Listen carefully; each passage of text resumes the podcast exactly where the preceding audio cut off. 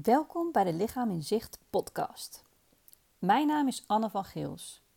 Ik ben arts en psychotherapeut en ik heb me gespecialiseerd in lichamelijke klachten waar geen duidelijke medische verklaring voor is.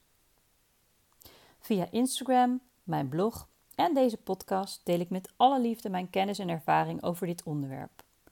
Want voor een probleem dat ontzettend veel voorkomt, wordt er maar bar weinig aandacht aan besteed.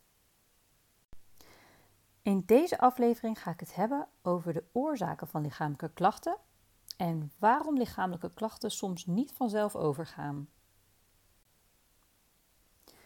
De twee vragen die we onszelf vaak als eerste stellen als we last krijgen van lichamelijke klachten zijn: waar komen deze klachten vandaan en hoe kom ik er zo snel mogelijk weer vanaf? Lichamelijke klachten zijn bedoeld als waarschuwingssignaal van ons lichaam om aan te geven dat er op de een of andere manier gevaar dreigt. Dus deze vragen zijn op zich heel terecht en logisch. Als we voor het eerst iets onaangenaams voelen in ons lichaam, zoals hoofdpijn, buikpijn of vermoeidheid, zoeken we vaak de verklaring in alledaagse dingen. Misschien heb je niet genoeg gedronken die dag, misschien heb je te kort geslapen, of misschien ben je gespannen omdat je een belangrijke presentatie hebt. Als die klachten dan langer aanhouden dan een paar dagen of weken, bezoek je misschien de huisarts om een antwoord te krijgen op de vraag waar je klachten vandaan komen. Soms heeft de huisarts daar een goede verklaring voor. Je blijkt bijvoorbeeld migraine te hebben of bloedarmoede. Soms heeft de huisarts wel een vermoeden, maar stuurt hij of zij je door naar een medisch specialist voor verder onderzoek. En dat kan dan bijvoorbeeld een neuroloog zijn, of een maagdarmlevenarts of een internist. Soms kan die specialist de oorzaak van je klachten achterhalen, maar vaak ook niet.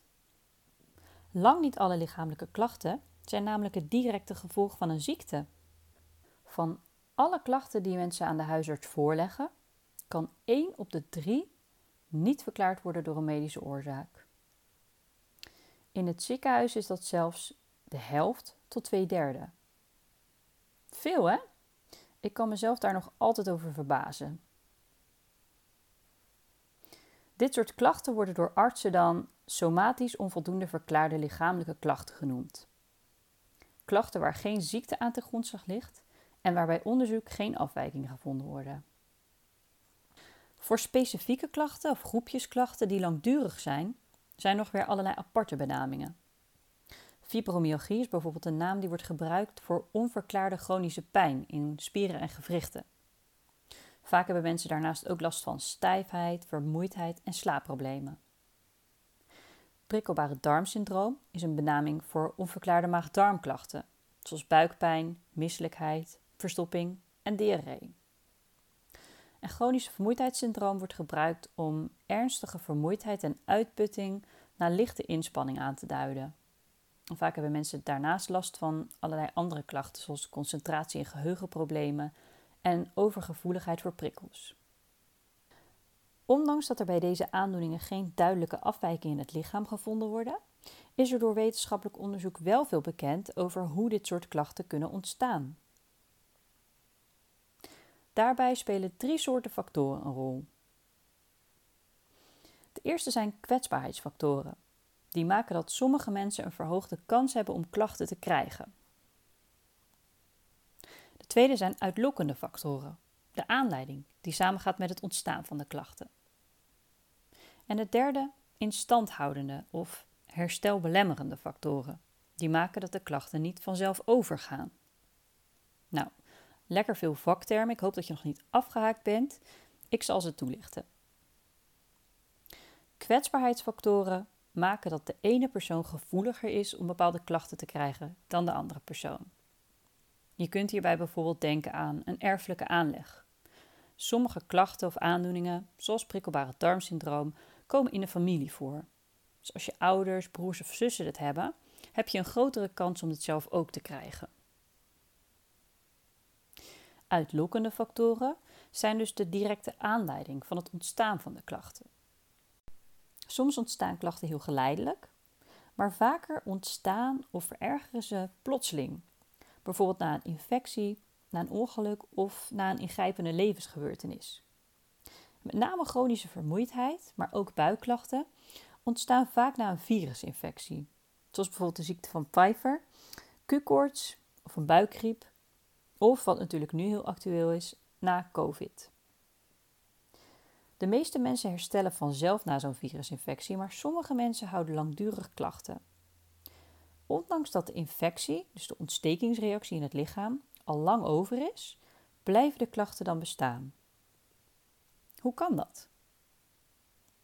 Dat heeft vaak te maken met herstelbelemmerende of instandhoudende factoren.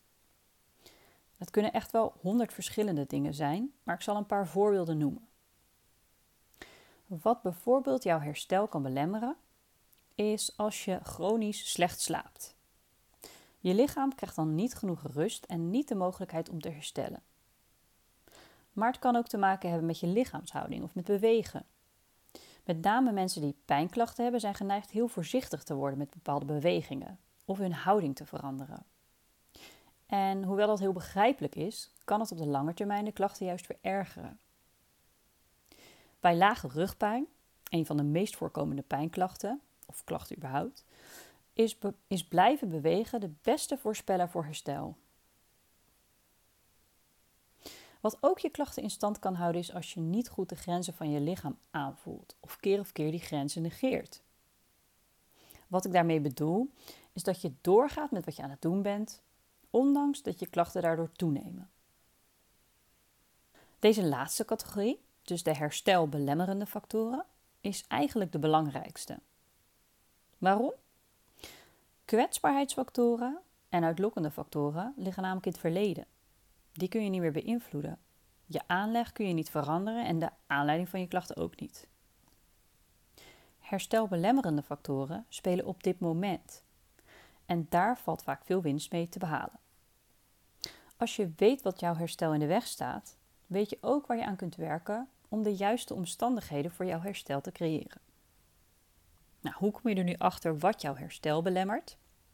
Helaas kan ik je daar geen eenvoudig antwoord op geven. Het is een zoektocht, want het verschilt heel erg van persoon tot persoon. En vaak is het ook niet één ding, maar spelen meerdere factoren een rol.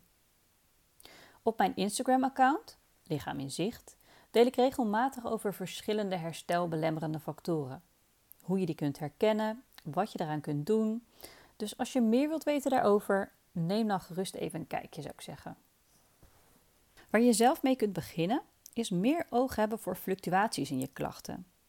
Of eventueel een dagboekje waarin je bijhoudt wanneer je klachten toenemen en afnemen en waar dat mogelijk mee te maken heeft. Je kunt dan bijvoorbeeld denken aan slaap, voeding, beweging en je stemming. Voor vandaag laat ik het even hierbij.